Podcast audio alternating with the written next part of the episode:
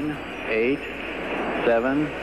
Ignition sequence started. All engines are started. We have ignition. Two, one, zero. We have a liftoff. Welkom bij Sterrenstof, een programma over astronomie en ruimtevaart. Met interviews, het allerlaatste astronomie- en ruimtevaartnieuws en de sterrenhemel van deze maand. Presentatie Anko van Hal. Hey, wat fijn dat je weer luistert naar jouw astronomie- en ruimtevaart talkshow Sterrenstof. Live vanuit het mooie Arlet Pearson te Amsterdam is dit alweer aflevering 15. Ga maar goed voor zitten, want in deze podcast gaan we op vele verzoek de heilige huisjes der wetenschap tarten en antwoord geven op de vraag of die UFO's wel of niet bestaan. Maar ook in deze uitzending natuurlijk onze vaste rubrieken, de vraag van de luisteraar, astronomie en ruimtevaartnieuws in het kort en de sterrenhemel van de maand juni 2022.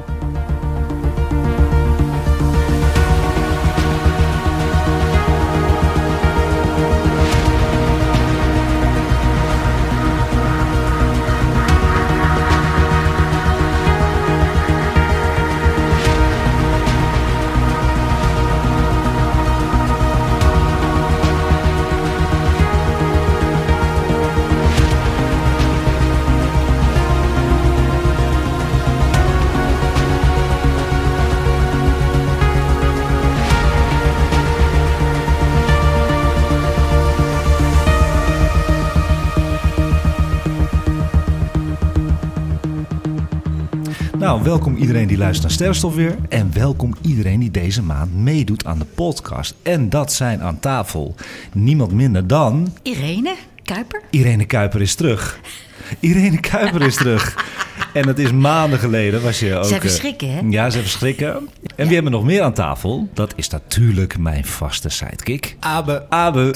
En Abe zit helemaal, helemaal ver weg. Abe doet de techniek, eh, dames en heren. Dus dat is heel fijn. En Van praat vele mee. markten thuis. Ja, zeker. Ja, dus ik probeer een beetje te multitasken, maar ik, eh, we gaan het zien. Ja, je klinkt goed. Er komen dus veel onderwerpen aan bod. Dat heb je al gehoord bij de introductie. Maar ik doe altijd eerst de vraag hè, aan jullie. Hebben jullie nog wat opvallends aan de hemel gezien afgelopen maand mei? Ehm, ik heb een poging gedaan op 16 mei om op te staan op tijd voor de Echt, maansverduistering. heb je dat geprobeerd? Ik heb het geprobeerd, maar ik ging toevallig de 15e heel laat naar bed. Dus het is niet gelukt. het is niet. Het is ook. Ja, maar dat is toch juist een, een, een, eh, een moment om het te doen? Oh ja. Zo- toen- Zo doet Ja, Abe. om, Ja, het. om- het om- gedaan. om het, om het gewoon nog later naar bed te gaan, bedoel je? Ja, ik was, ik was Ja. gewoon nog wakker. Ja. Had, had dat even iets eerder gezegd. Ja. Dan had je de vorige uitzending moeten luisteren. Want hij heeft het twee keer gezegd in de uitzending vorige Oh, keer. oh ja? Ja. dat is voor hem geen punt, dus hij blijft gewoon wakker. Oh ja, ja, ja. ja. Ja. Oké, nou. Nou ja, kijk, wat, wat is het, half vijf of zo, toch? Dat Ja, wel- dat rond- is wel rond erg half laat. vijf, ja. Maar ik was, ik was nog wakker en nou, ik was om vier... Ik ben iets ouder dan jij, hè, Abe. Ja. Ik hou dat gewoon niet vol. Ja, nee, ik was om, om drie uur of zo nog wakker. En toen dacht ik, ja, kan dat toch? Dus het Heb is je wel wat gewoon- gezien dan? Nou, ik heb, ik, ik heb een poging gewaagd. eh, dus ik heb uit mijn raam gekeken en ik heb het een beetje gezien. Een be- wat is een beetje? Ja, Want wat is ik een vertrouw het nou niet hoor. Echt Ja. niet. Ik denk dat gewoon ik, moest, ik moest heel erg om de hoek kijken. En toen zag ik eh, eh, eh, eh, een maan Ja. met een, met een happy eruit. En toen dacht Nou ik, nice. Nou, dan heb je het toch gezien. Ja, toch? Ja. Het was ook een hele moeilijke maansverduistering. Ja. Dus ik heb inderdaad eh, vier uur ben ik opgestaan. En het is gelukt om drie foto's te maken voordat de bewolking kwam. En die heb ik op eh, Instagram gezet. Ja, die zijn waanzinnig. Ja, Die dat waren zijn mooie foto's. Heel Ik heb ze gezien, ja. En zelfs met die wolken ervoor, dat vond ik eigenlijk wel een heel spannende foto. Die heb ik ook geplaatst. En dat was eigenlijk wel de mooiste sfeerfoto geworden. Dus ik was blij. Fijn. Ja, en Ja. verder nog wat gezien? Nou, ik vond die maan wel heel mooi, ja. Die volle maan. De volle maan, hè? Ja, die vond ik wel indrukwekkend. Dat was wel echt zo'n slapeloze nachtmaan. Ja, we gaan zo meteen Ja. over een maan hebben in juni die heel bijzonder wordt. Oké. Dat is een hele leuke inleiding van jou. Daarom, daarom heb ik ook oker aangetrokken. Voor die maan. Voor die maan. Dat is een okermaan gaan we krijgen. Oké. En Abe, heb jij nog wat eh, opvallends gezien? Of was je te druk met eh, feesten? Ik- ben niet elke dag aan het feesten aankomen, maar... Eh, de Maar je maakt ook er weer. wel elke dag een feestje van. Hey, precies. Kijk ja. Nee, nee, ik heb het gehouden bij de, bij de maansverduistering Oh. op 16 mei. Heel goed, jongens. Het, het heeft dus wel wat opgeleverd, Zeker, sterrenstof. zeker dus weten, eh, zeker dat hebben jullie in de agenda gezet.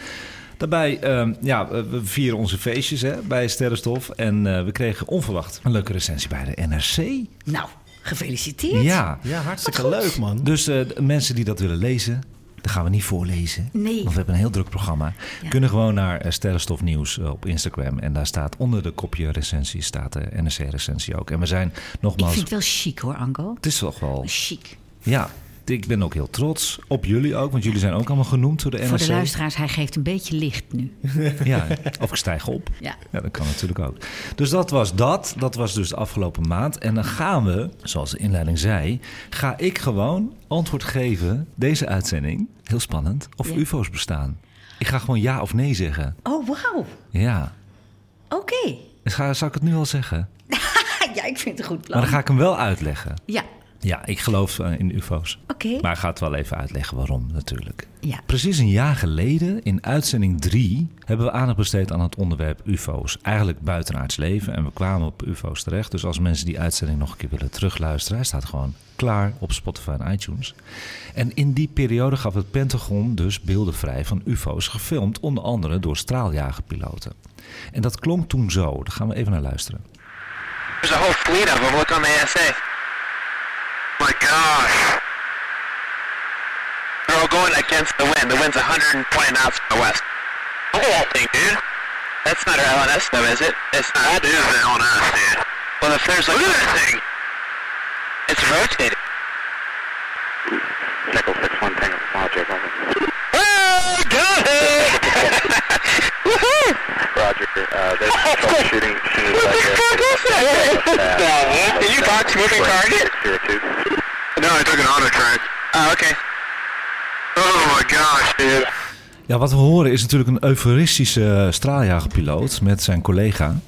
En die zegt er ongeveer, als je goed hebt geluisterd, het is natuurlijk een beetje ruis, maar het is het, het fragment wat het meeste op tv wordt getoond. Je kan hem trouwens ook even terugkijken op onze Sterrenstof YouTube kanaal. Maar wat ze eigenlijk zeggen van, is dat wel een van ons? En hij gaat ook te snel, dat voertuig of dat fenomeen. En eh, het is natuurlijk niet van hun. En ze gaan hem ook filmen en ze hebben hem op een gegeven moment. En dat eh, schreeuwt hij uit. Dat is vorig jaar uitgezonden als een van de bewijsmaterialen dat, eh, dat ze een UFO hebben gefilmd. Nou, wat is nou een UFO? Duidelijk verhaal, eh, is iets wat je niet kan identificeren. Dus vandaar dat ik natuurlijk eh, volmondig kan zeggen UFO's bestaan. Want als je iets ziet wat je niet kan identificeren, zoals straaljagerpiloten dat hebben gedaan, dan bestaat de UFO. Een beetje een ding is van UFO's natuurlijk, dat weet iedereen, dat wij gauw gaan denken aan vliegende schotels en groene mannetjes. Daar moeten we denk ik een beetje vanaf. Ja. Maar wat Ja, is het Het dan? is natuurlijk al, al super lang een, een, eh, eh, een heel spannend onderwerp. Eh, Ik weet nog dat mijn zus op een gegeven moment een werkstuk heeft gemaakt. Nou, dat zal 1970 zijn geweest. En toen Ja. was er ook een ontzettend interessant boekje over UFO's. Oké.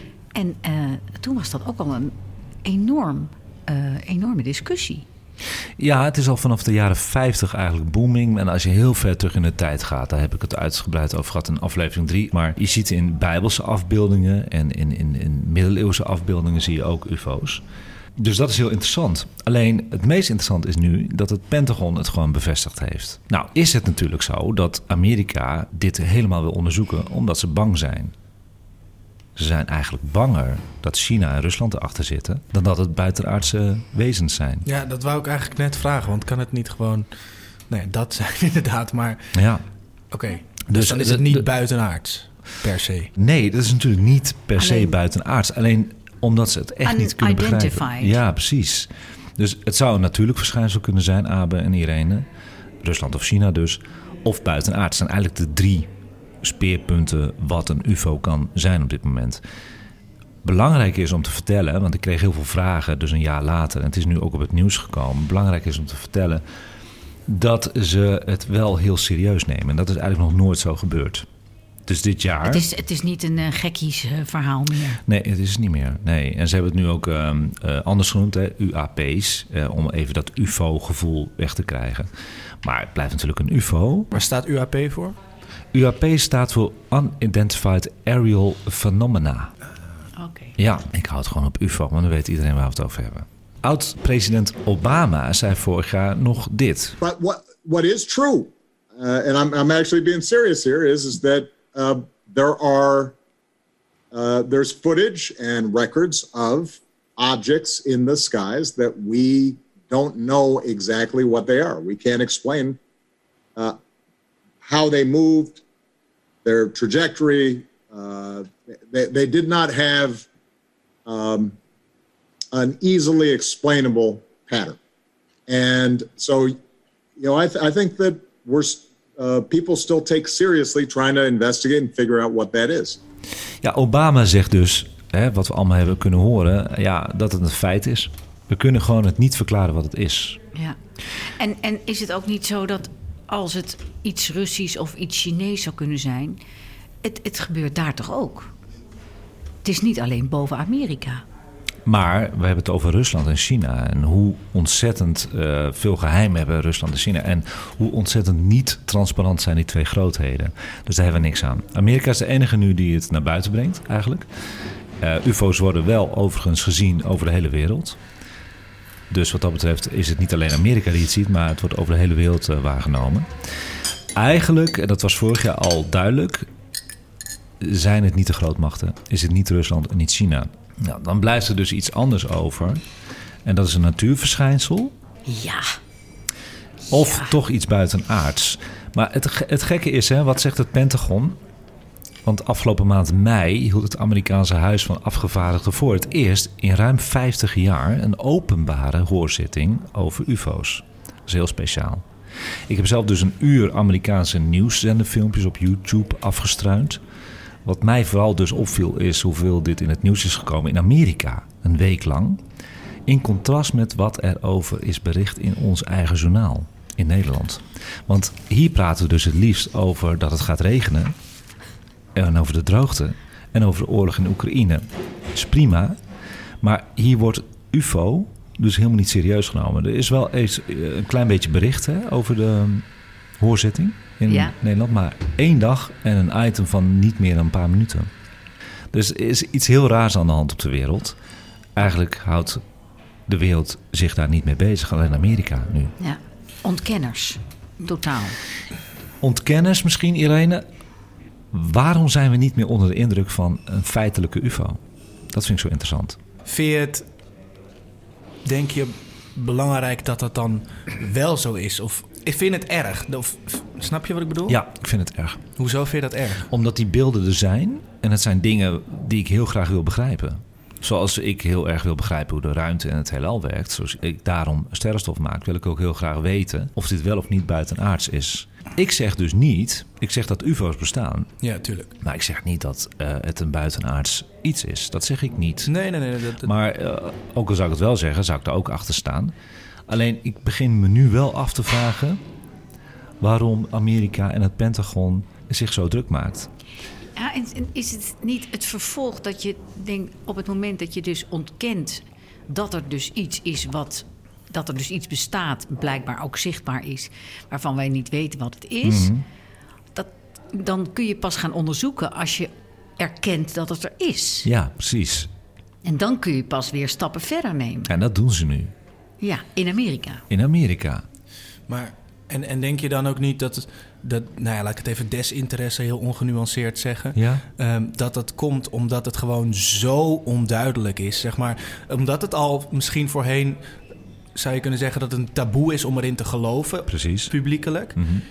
En dat het dan nu, ja, er, er is iets en daar, dat erkennen we wel, maar verder hebben we geen idee. Is dat dan niet ook juist de reden dat, dat men denkt van ja, ik zie het wel of zo?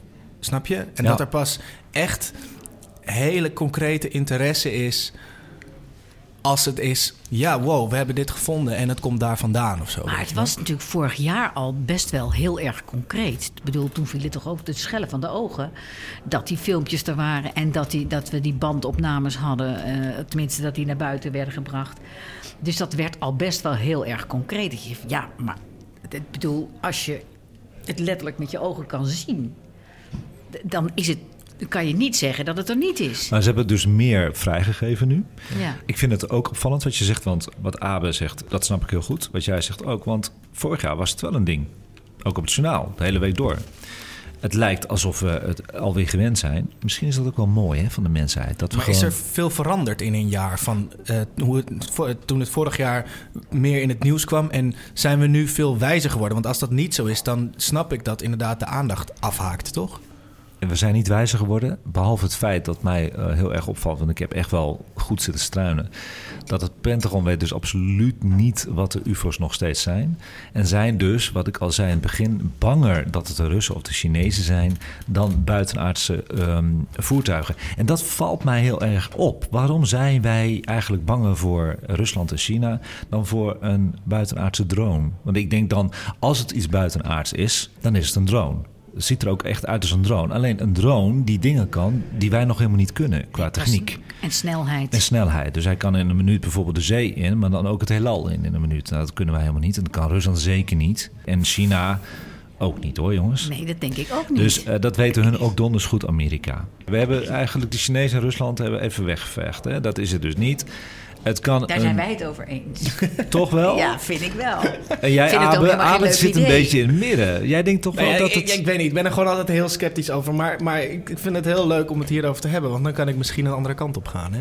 Nee, ik wil je niet overtuigen. Nee, wil dat weet ik. Dat weet is je ook wat? heel goed. We- eh, nogmaals, ik wil gewoon eh, de feitelijke dingen zeggen. En ik ben natuurlijk wel een wetenschapper, want ik ben een astronomie-nerd. Dus ik trap nu wel tegen wat huisjes aan, wat ik helemaal niet erg vind. Maar wat jij denkt, dat is eigenlijk de doorsnee wetenschappers die zo denken. Van nou laten we er maar niet druk om maken, want ik weet toch niet wat het is. Ik heb daar geen zin in. Ik wil wel weten wat het is.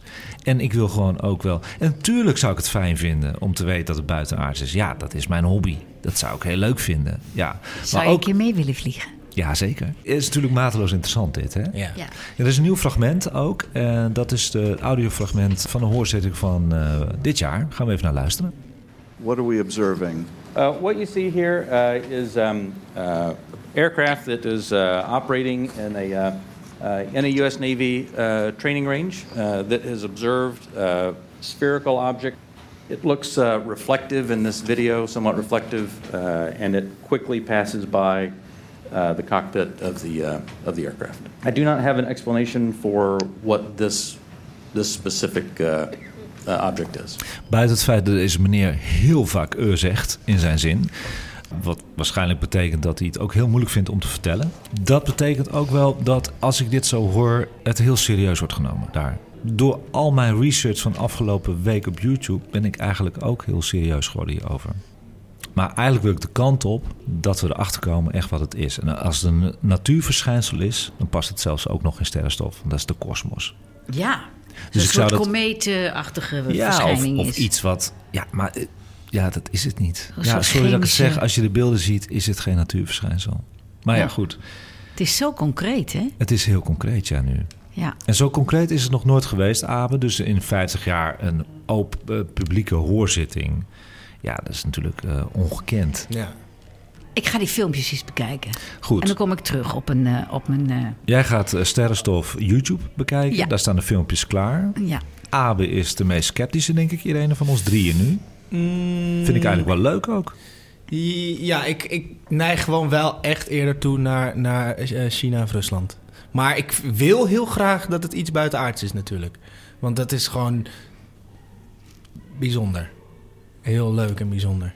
Nou, ik vind het ook wel een leuke open discussie. Dus Ja. als mensen hierover willen discussiëren, eh, DM me even op Instagram, Sterrenstofnieuws, of e-mail mij op eh sterrenstofnieuws.gmail.com. En dan gaan we er gewoon lekker over verder praten. Ja. Ik, eh, laat, ja, ik vind het leuk om daar wel over in gesprek te gaan. Het is wel een mooi onderwerp. Dan gaan we nu naar de vraag van de luisteraar. En dat is van onze vaste luisteraar Anna Hoogwoning. En Anna Hoogwoning heeft een vraag gesteld die ik zo bijzonder leuk vond en zo ontzettend moeilijk dat ik ben gaan graven. En ik weet, Anna, excuses daarvoor. Ik weet niet of ik een goed antwoord voor je heb. Maar ik heb mijn best gedaan. En ik wilde mezelf daar gewoon aan wagen. Want dat is deze uitzending. Het thema is dat ik me overal waag. De vraag van Anna Hogewoning is... De tijd gaat sneller hoe verder je weg bent van de aarde. De aarde is de zwaartekrachtbron. Maar biologisch word je ook sneller ouder dan toch? Hoe werkt dit dan precies? Oh, dat is een interessante, ja. Ja, dat is super wetenschappelijk. Z- Dat Zouden, is dan, wel echt boeiend. zouden piloten die dan dus heel veel vluchten hebben gemaakt... die zouden dus eerder oud zijn? Ja, maar je hebt het echt over, over, over tien keer zo klein dan een microseconde. Ja, toch? dat zijn millisecondes Ja, waar we het over dan hebben. Ja. eh, voor piloten waarschijnlijk. Maar inderdaad, als je verder weg van de aarde gaat, dan gaat de tijd sneller. Nou, het klopt. Anna, de tijd gaat sneller naarmate je verder van het aardoppervlak verwijderd bent in vergelijking met de tijd op het aardoppervlak. Dit effect staat bekend als zwaartekracht-tijddilatatie. Het wordt voorspeld door de algemene relativiteitstheorie van Einstein en is meerdere keren door experimenten geverifieerd. Tijdsdilatatie slaat dus op de Einsteins speciale relativiteitstheorie die ons leert dat beweging door de ruimte in feite veranderingen in de tijdstroom veroorzaakt. Als je in de buurt van de lichtsnelheid kunt reizen, zijn de effecten dus veel meer uitgesproken. Bijvoorbeeld een astronaut die terugkeert van een ruimtereis met relativistische snelheden. Bij terugkeer is die jonger dan de vrienden van dezelfde leeftijd en familie die op aarde zijn gebleven. Hoeveel jonger precies hangt af van hoe snel het ruimtevaartuig precies bewoog en versnelde. Dus het is niet iets dat we gemakkelijk kunnen beantwoorden. Maar als je een exoplaneet op 10 tot 50 lichtjaar afstand probeert te bereiken en toch thuiskomt voordat je zelf van ouderdom sterft, moet je met bijna de lichtsnelheid bewegen. Er is hier nog een andere rimpel die het vermelden waard is: tijdsvertraging als gevolg van zwaartekrachteffecten. Heb ik een vraag. Die, die astronauten die een half jaar in de ruimte zitten, Ja, die komen dus jonger terug? in principe een beetje jongen. Ja, Ten opzichte van ons. ja, ten opzichte van een ander Van- van object hun of van vrienden, ons. familie en... Van wij die hier blijven, ja. Ja, dus hoe dichter de klok bij de bron van de zwaartekracht is, hoe langzamer de tijd verstrijkt. Ja? Ja. Hoe verder de klok van de zwaartekracht verwijderd is, hoe sneller de tijd verstrijkt. Is dat duidelijk? Ja, Nee, hartstikke het, is een, het is een ontzettend boeiende vraag en het is zo'n tof onderwerp. Dus Ja. Anna, ja, ja hele leuke vraag. Ja. Ja. Ja. Voor meer info trouwens over dit onderwerp kun je naar de aanbevolen playlist op onze eigen Sterrenstof YouTube. En dan krijg je beelden erbij te zien. Eh, jullie hebben nu mijn verhaal gehoord. Maar met beelden erbij wordt het misschien nog iets duidelijker. Dus ga even naar eh, YouTube, naar de uitzending. Dankjewel Anna voor deze hele mooie vraag. Welkom bij Sterrenstof, een programma over astronomie en ruimtevaart. Met interviews, het allerlaatste astronomie- en ruimtevaartnieuws en de sterrenhemel van deze maand. Presentatie Anko van Hal. Eh, Anko, hoe zit het met de nieuwtjes? We zijn toe aan de nieuwtjes, inderdaad. Ik heb leuke nieuwtjes gevonden, ook weer heel divers. Het eerste nieuwtje is: de Voyager 1 stuurt opeens hele rare signalen terug naar de aarde. En Abe zit te genieten. Waarom, Abe? Nou, ik wist het helemaal niet en ik vind het heel mooi in deze uitzending passen. Ja, ik ook, ja. Ja, klopt, ja. NASA-ingenieurs hebben geprobeerd een mysterie op te lossen dat plaatsvindt op hun Voyager 1 ruimtevaartuig. De ruimtesonde zendt blijkbaar signalen uit die niet weerspiegelen wat er werkelijk aan boord gebeurt. Het probleem lijkt het Attitude Articulation and Control System, de AACS, van de Voyager 1 te zijn, dat de oriëntatie van het 45 jaar oude ruimtevaartuig regelt. Het is dus ook mogelijk dat ze dus eh, dit verschijnsel niet kunnen verklaren en dan laat ze het gewoon wat het is. Zo, zo erg is het. Dat is wel leuk. Maar als ze wel de bron vinden, kunnen ze het probleem mogelijk oplossen door software- of hardwarewijzigingen. Kun je, kun je uitleggen wat ze dan ongeveer horen? Is het Ja. een piep? Is het een... Ze krijgen signalen terug, maar niet de signalen die ze verwachten. Dus die ze 45 of 40 jaar lang hebben gehad, die krijgen ze niet terug. Dus het is een, een, een iets raars aan de hand daar. Maar Voyager 2 heeft dat probleem niet en die zit er net achteraan. Zou het kunnen zijn dat het gewoon verslijten is? Ja, maar Voyager 2 heeft hier geen last van. Ja, het Ja, kan maar van die is alles toch- zijn. Toch minder oud? Nou, die is hetzelfde jaar Ja, gelanceerd. hetzelfde jaar. De Voyager 1 en zijn tweelingbroer dan, hè, Voyager 2, zijn gelanceerd in 77. En hebben veel langer trouwens gefunctioneerd dan eh, de missieplanners eh, hadden verwacht. En zijn het enige ruimtevaartuig dat gegevens verzamelt in de interstellaire ruimte. En de interstellaire ruimte is de ruimte na ons zonnestelsel. Dus wij weten ook met z'n allen niet, daarom vond zo interessant, wat er daar buiten gaat gebeuren. En blijkbaar heeft de Voyager daar ook eh, moeite mee. Blijkbaar eh, gebeurt er iets wat wij niet kunnen verklaren. Iets komt eraan. Ja, of, of misschien is er wel een soort straling wat het verstoort daar. Dat weten ze allemaal nog niet. Dat is wel interessant nieuws, toch? Ja, Ja. Ja, ik vind het super spannend nieuws. ja. En Abba, wat denk jij hierover? Want jij bent wel een Voyager-man. Dat heb je wel eens eerder in uitzendingen gezegd. Vond je een heel interessant ruimtevaartuig? Nou ja, kijk, het is natuurlijk het is zo'n boeiend vaartuig... omdat het in 77 gelanceerd is en nog steeds werkt. En, in, Ja. en eh, de enige vaartuigen zijn die buiten het... eh, of die in het interstellaire eh, Gebied nu gebied bevinden. bevinden. Precies, Ja. ja. Dus wat informatie die daar vandaan komt, dat is uniek. Dus dat is gewoon fantastisch. Ja, 23,3 miljard kilometer van ons vandaan nu. Ja, en dat dat is niet en voor te het fascinerend dat die, die antennes zich precies op de aarde kunnen richten. Want dat is, het is, de, aarde is, de aarde is zo'n kleine zandkorrel. Ja, er is niks meer voor ze Helemaal natuurlijk. niks meer. Nee. nee, interessant. We gaan eh, hierop terugkomen als ze weten wat het is. Leuk. Oh, cliffhanger, nice. Ja. En dan gaan we het over Mars hebben. Dat doen we eigenlijk eh, elke uitzending, hè? even over Mars. Natuurlijk hartstikke leuk. En je hebt daar een ruimtevaartuig, dat is de Mars Lander Insight. Maar, triest nieuws, mensen. Hij gaat het einde van het jaar niet halen. Oh nee. Ja, dat is altijd niet zo heel erg leuk. Er staan behoorlijk wat ruimtevaartuigen op Mars hè, op dit moment. Zo'n 15 stuks. Vier daarvan eh, die zijn eh, operationeel. En de ene houdt het dus wat langer uit dan eh, de ander. En die ander dooft wel eens uit als een kaars. Hoe komt dat nou? Nou, de Insight heeft dat ook. Hij landde in 2018 op Mars om onder andere Marsbevingen te registreren. Maar hij heeft helaas nog een paar maanden te leven. Dat laat NASA in een verklaring weten. De landen die al enkele jaren de inwendige structuur van Mars onderzoekt, verliest geleidelijk aan vermogen. Dus de energie gaat eruit. Heel zielig. Eh, Maar eh, Ja. ze- eh, werkt dat ding niet op zonne-energie? Ja, en dat is het punt. De reden voor het verlies aan vermogen is de ophoping van stof, marsstof op de zonnepanelen inderdaad. Oh, dus hij, het zou eigenlijk schoongemaakt moeten worden. Je hebt daar ook Ja. gewoon klimaatproblemen. Exactly. De Insight is uitgerust met dus twee zonnepanelen die elk ongeveer 2,2 meter breed zijn. Toen de Marslander in november 2018 op Mars arriveerde, produceerden deze zonnepanelen ongeveer 5000 wattuur per Marsdag. Ook wel Sol genoemd.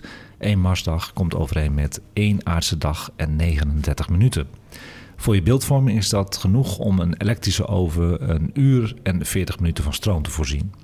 Maar Mars is een stoffige planeet dus. En dat stof is tevens neergedaald op de zonnepanelen van InSight.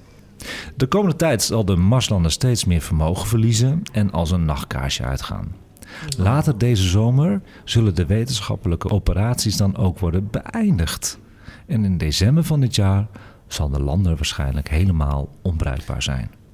En dan blijft hij daar achter? Achter, forever and ever. Ja. Maar, ze hebben daar ook erosie, dus dat gaat wel slijten. Nou, forever and ever. Ik- Het duurt toch niet meer heel lang voordat, voordat mensen naar Mars gaan. Nee, en dat, ik, ik- weet je wat ik Dan denk, kunnen ze de Abe? rotzooi opruimen. Nee, weet je wat ik denk wat er gaat gebeuren? mee. wordt het een monument. Ja, dat worden allemaal, dat worden allemaal monumenten. Let op mijn Ja, woorden. ja, Ja, ja, ja, echt hoor. ja, Dat is heel erg leuk. Rijksmonumenten, dat is dan de... Ja, ja. Ja, en wat heeft de Insight allemaal klaargespeeld? Nou, eh, we kunnen met trots kijken op de missie van Insight. Want eh, hij heeft alle verwachtingen overtroffen. Hij heeft inmiddels al meer dan 1300 Marsbevingen geregistreerd. En begin mei, dus onlangs 2022, heeft de lander zelfs nog een Marsbeving met een kracht van 5 op de schaal van Richter gemeten.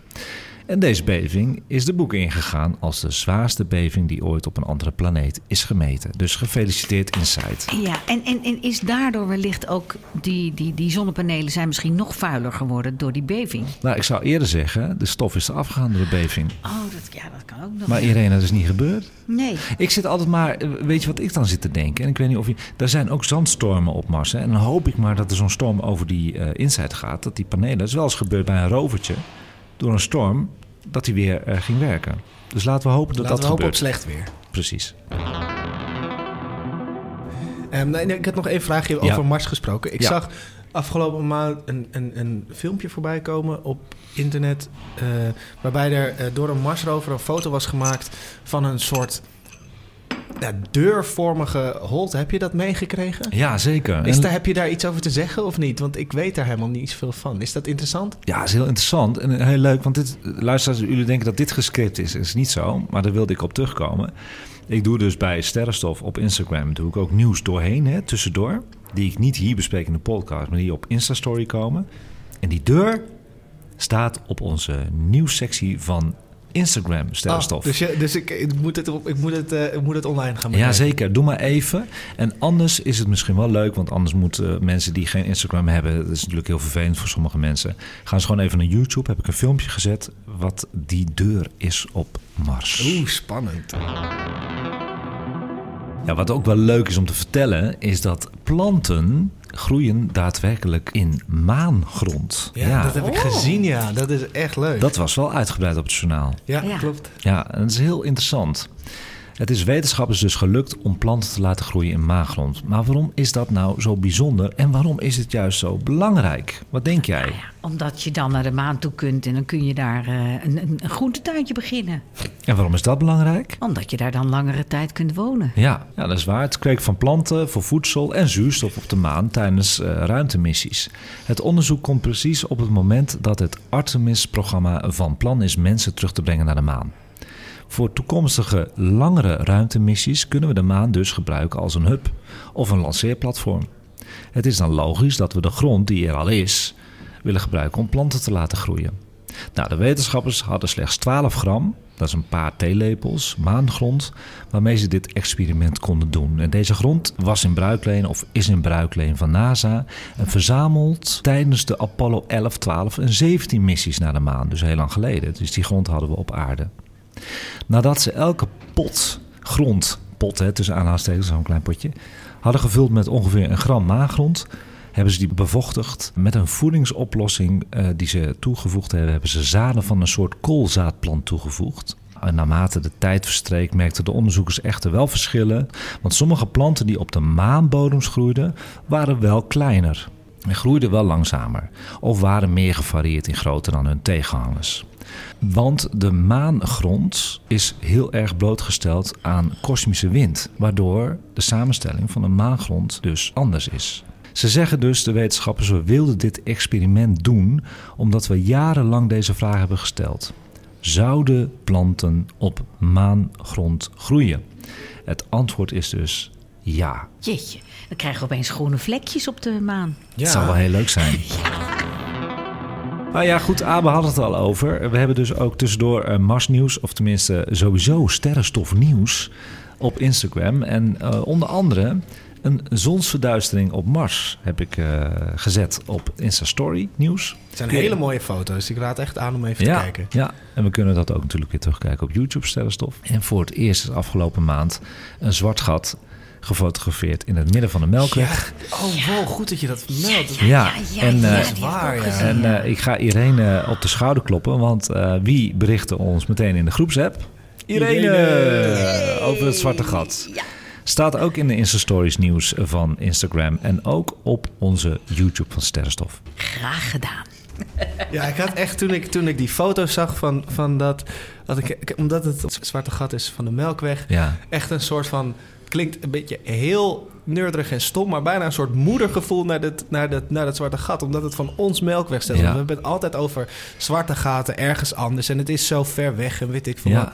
Maar dit, deze, door dat ding vliegen wij rond, eh, rond het Melkweg. klopt. Zo is het helemaal, Abe. Dus je was eigenlijk heel blij. Ik was, ons- het was zo mooi. Het is super mooi nieuws. Ja, en weet je wat ik mij opviel, want dat vond ik natuurlijk ook, dat de hele wereld zo blij was ervan. Ja, dat is toch grappig, hè? Dus blijkbaar is er bij iedereen eh, iets geland van... oh, wacht even, we gaan echt... Kijk, dat is wat de mensheid nodig heeft, hè? Daadwerkelijke, feitelijke foto's. Ja. Dat is het gewoon. Ja. Alsof, je, alsof je thuis een soort ruimte ontdekt achter je kast. Dat je denkt, goh, mijn huis is een meter groter. Ja, precies. Dat is, echt, dat is een, mooi, dat is een mooie analogie. Ja. Dat is, Ja. eh, Ja. Prachtig, ja. Ja. Hey Anko, ik ben wel benieuwd wat er deze maand allemaal te zien gaat zijn. Ja, want het valt mij op dat jullie er toch wel een beetje aan houden. Maar jullie weten ook dat ik er elke keer op terugkom, hè? Dus jullie kunnen natuurlijk ook niet een keer gaan cheaten. Als huiswerk gedaan. hè. Ons huiswerk elke maand.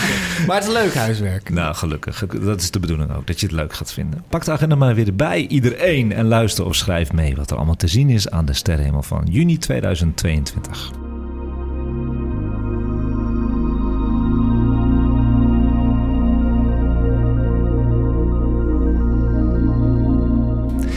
Beginnen altijd eh, standaard met de planeten.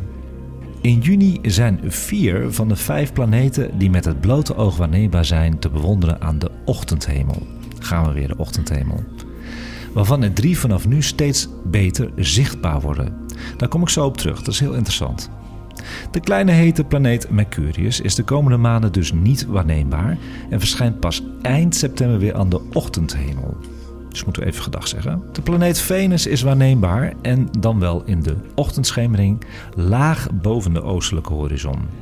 In de ochtendschemering van 26 juni is er een hele mooie samenstand te zien van Venus met de open sterrenhoop de Pleiade en met de smalle maansikkel. De heldere Venus staat dan 2 graden maar onder de maansikkel. De Pleiaden staan 4 graden boven de maansikkel. Dus met andere woorden, de maan staat tussen Venus en de Pleiaden. Kan ik het ook met het blote oog zien of niet? Ja, dat is allemaal met het blote oog. Dus eigenlijk, het is leuk dat je dat vraagt. De meeste dingen die ik vertel, is met het blote oog. Vanaf je balkon of uh, uit je tuin. En vanaf deze maand wordt de rode planeet Mars, waar we het steeds over hebben, steeds beter zichtbaar met het blote oog. In de ochtenden van 22 en 23 juni staat de maan dicht bij deze rode planeet. Mars gaat nu dus elke maand helderder, dus beter zichtbaar worden. En zelfs eind dit jaar wordt het de helderste rode ster aan de avond- en nachthemel. Kijk aan. Dus hoef je niet meer 's ochtends op. En hij is ook nog veel helderder in de avond en de nacht. Dat wordt een heel leuk jaar nog. Nice. Dat wordt een makkie. Wordt een makkie.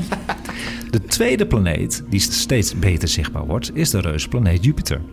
Op 14 juni kun je met een simpele verrekijker trouwens, of kleine telescoop, maar iedereen heeft wel een verrekijker denk ik, ongeveer, de vier grootste maantjes van Jupiter proberen te spotten. Dat is heel erg leuk.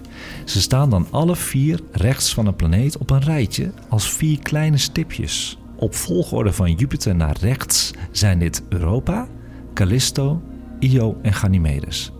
En als je zin hebt, s ochtends op te staan, doe dit dan rond 4 uur in de ochtend.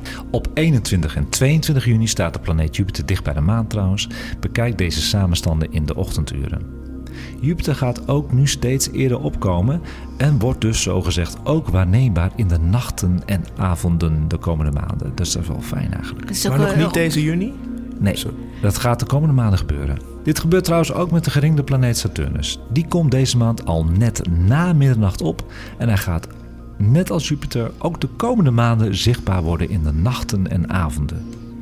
Op 18 en 19 juni kun je proberen Saturnus te spotten, nog in de ochtenduren dus, met de maan in de buurt. Vind je dit moeilijk? Gebruik dan de sterren-app van Irene, de Stalwalk, hè, geloof ik. Hij is niet van mij, maar ik gebruik hem. Wat valt er dus nog meer te beleven in juli? Nou, je had het er net al over. De zomer begint. Ja, de zonnewende. De zonnewende. En maar liefst twee keer deze maand. Want op 1 juni begint die ook al. En dat heet de... Begin van de meteorologische zomer. Yes!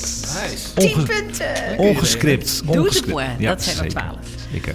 Dit omvat eh, voor weerkundigen dus de maanden juni, juli en augustus.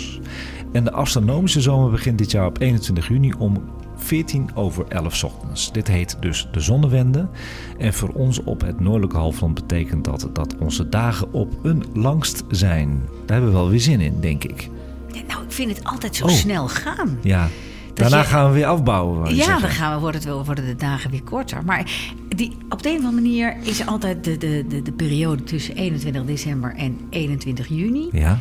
Lijkt sneller te gaan dan, Dan- andersom. dan andersom. De andere, andere periode. Hmm. Anderhalf. Ehm, ja, ik snap je wel, ja. Psychologisch gevoel. Het zit allemaal tussen je oren. Het is allemaal tussendoor. Dan is er nog een leuk verschijnsel deze maand. De supermaan komt eraan. En je hebt vast wel eens deze term gehoord, hè? de supermaan. En vooral de laatste jaren wordt hier op het journaal veel aandacht aan besteed. Op 14 juni en overigens ook op 16 juli, kom ik op terug, is het weer zover. Maar wat is een supermaan nou eigenlijk? Zal ik het even uitleggen? Vinden jullie dat ja, leuk? dat ben ik wel benieuwd naar. Nou, ik, ja, ja. Ja, toch wel? Ja, ja, ja, ja. En eigenlijk is het wel eigenlijk zo bijzonder. Een supermaan is een volle maan die groter en helderder opkomt dan gewoonlijk. Ten gevolge van de elliptische baan van de maan rond de aarde varieert dus de afstand van de aarde tot de maan doorgaans tussen ongeveer 357.000 kilometer en 406.000 kilometer. De kortst mogelijke afstand bedraagt 356.400 kilometer. Dan spreken we eigenlijk over supermaan. Dus dat betekent dat hij veel groter is. Is hij iets, iets groter. Iets groter. Iets groter. Maar ondanks dit verschil in afstand en helderheid is het fenomeen eigenlijk nauwelijks met het blote oog waarneembaar. Ik zal jullie een voorbeeld laten zien. Ik heb hem hier klaar liggen. Je ziet twee manen, twee volle manen ga ik jullie laten zien. En de ene is de supermaan, de andere is de gewone maan. En dan zie je het minieme verschil. Dit is het verschil. Is Oh, die... echt waar? En links... Maar is het links de supermaan? Ja, Oké. maar ja, het is minieme. Ja. Ja. En jij zit eh, op een goede afstand, eh, Abe, dus dat is wel een goede Ja, voor de maar ik, ik zie het wel, maar het is omdat ik het weet. En dat is het. Dat is het enige. Maar wat ik wel leuk vind te aankijken, ik, maak hem nu een beetje dood, hè, dat fenomeen Supermaan. Maar alsjeblieft blijf kijken. Ik ben eigenlijk heel dankbaar dat het wordt gehyped. Want daardoor gaat iedereen, serieus, als op het journaal is het altijd, hè, wordt het gezegd, gaat iedereen toch even naar buiten. Ja. En naar boven kijken. En dat wil ik. Dus ga die Supermaan kijken. 14 juni in je agenda zetten. Altijd een hele mooie opkomst. Dan is er nog één eh, fenomeen. En dat is het laatste fenomeen van de sterrenhemel van juni 2022. En daar heb ik het ook vorig jaar over gehad. Want we doen al meer dan een jaar sterrenstof. Dus we komen soms gewoon lekker terug op eh, fenomenen van vorig jaar.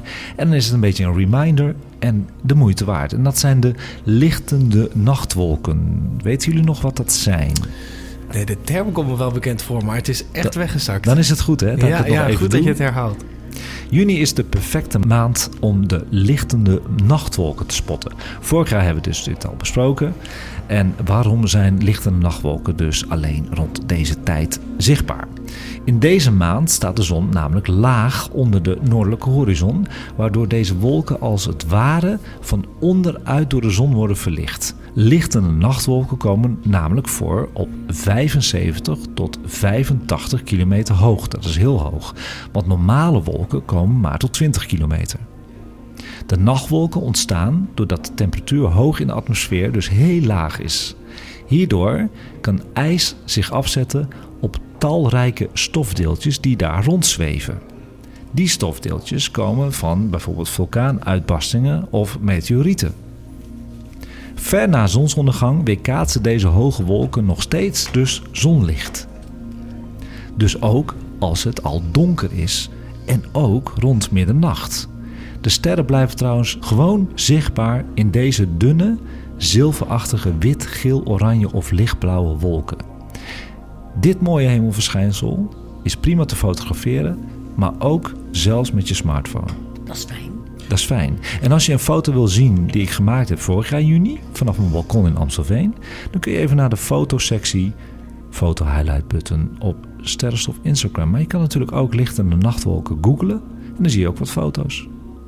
Eh, maar ehm, maar is dat, dit, is, dit is niet de hele maand juni, neem ik aan. Ja, toch? de hele maand juni. Kan ik lichtende nachtwolken Zeker. kijken? Ja. Gewoon als het donker is. Ja, maar zijn. dat is het spannende van lichtende nachtwolken. Ze zijn niet elke avond zichtbaar. Dus het is altijd wel leuk. Ik, ik kijk dan eh, via Google heb je wat sites. En dan kunnen ze een beetje voorspellen wanneer ze komen. Dus daar hou ik dan een beetje bij. Weet je wel, een beetje nerdig. En dan eh zegt ze, ah, volgens mij gaat het vanavond gebeuren. Ah, kijk, kijk, kijk. Ja. Dit is met de zee die oplicht. Ja, het is, het is, het is ook zo'n fenomeen. Lichtende zee. Nou, en dat, dat zijn algen die dat doen, hè? En ik heb een foto gezien van iemand die had in Katwijk of zo, weet ik veel, of Texel zou het alweer zijn geweest waar ik nooit kom. Had dus die lichtende nachtwolken gefotografeerd met dat mooie fenomeen. Nou, dat was de foto van het jaar, hoor. Oh man. Ja. Oh, die ga ik even zoeken. Ja, dus echt een moeite waard. Maar ehm, het is ook zo dat de weermannen nu eh, op het journaal, op NOS en RTL, het altijd wel even gaan benoemen dat er lichtende nachtwolken te zien zijn.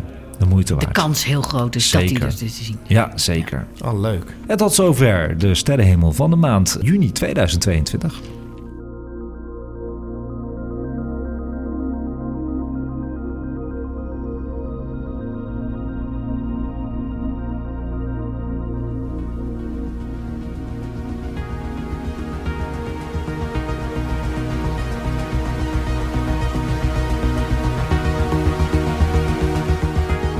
Tot zover Sterrenstof voor de maand juni 2022. Weer live, en dat hebben we gehoord, heel gezellig vanuit het Arlet Pierson te Amsterdam.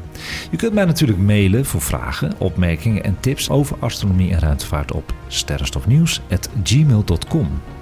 Je kunt Sterrenstof dus ook vinden op Instagram met de audiograms, nieuwtjes en astrofotografie van de hemelverschijnselen van de maand. En dat is te vinden op Sterrenstof Nieuws. Terugluisteren kan altijd nu al via alle bekende podcastplatformen.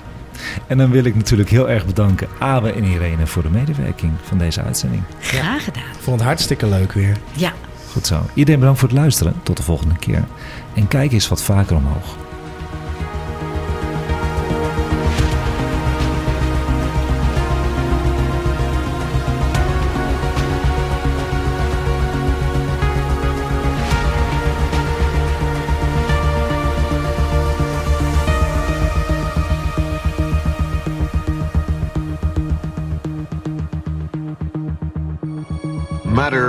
Is much older than life. Billions of years before the sun and earth even formed, atoms were being synthesized in the insides of hot stars and then returned to space when the stars blew themselves up. Newly formed planets were made of this stellar debris. The earth and every living thing are made of star stuff.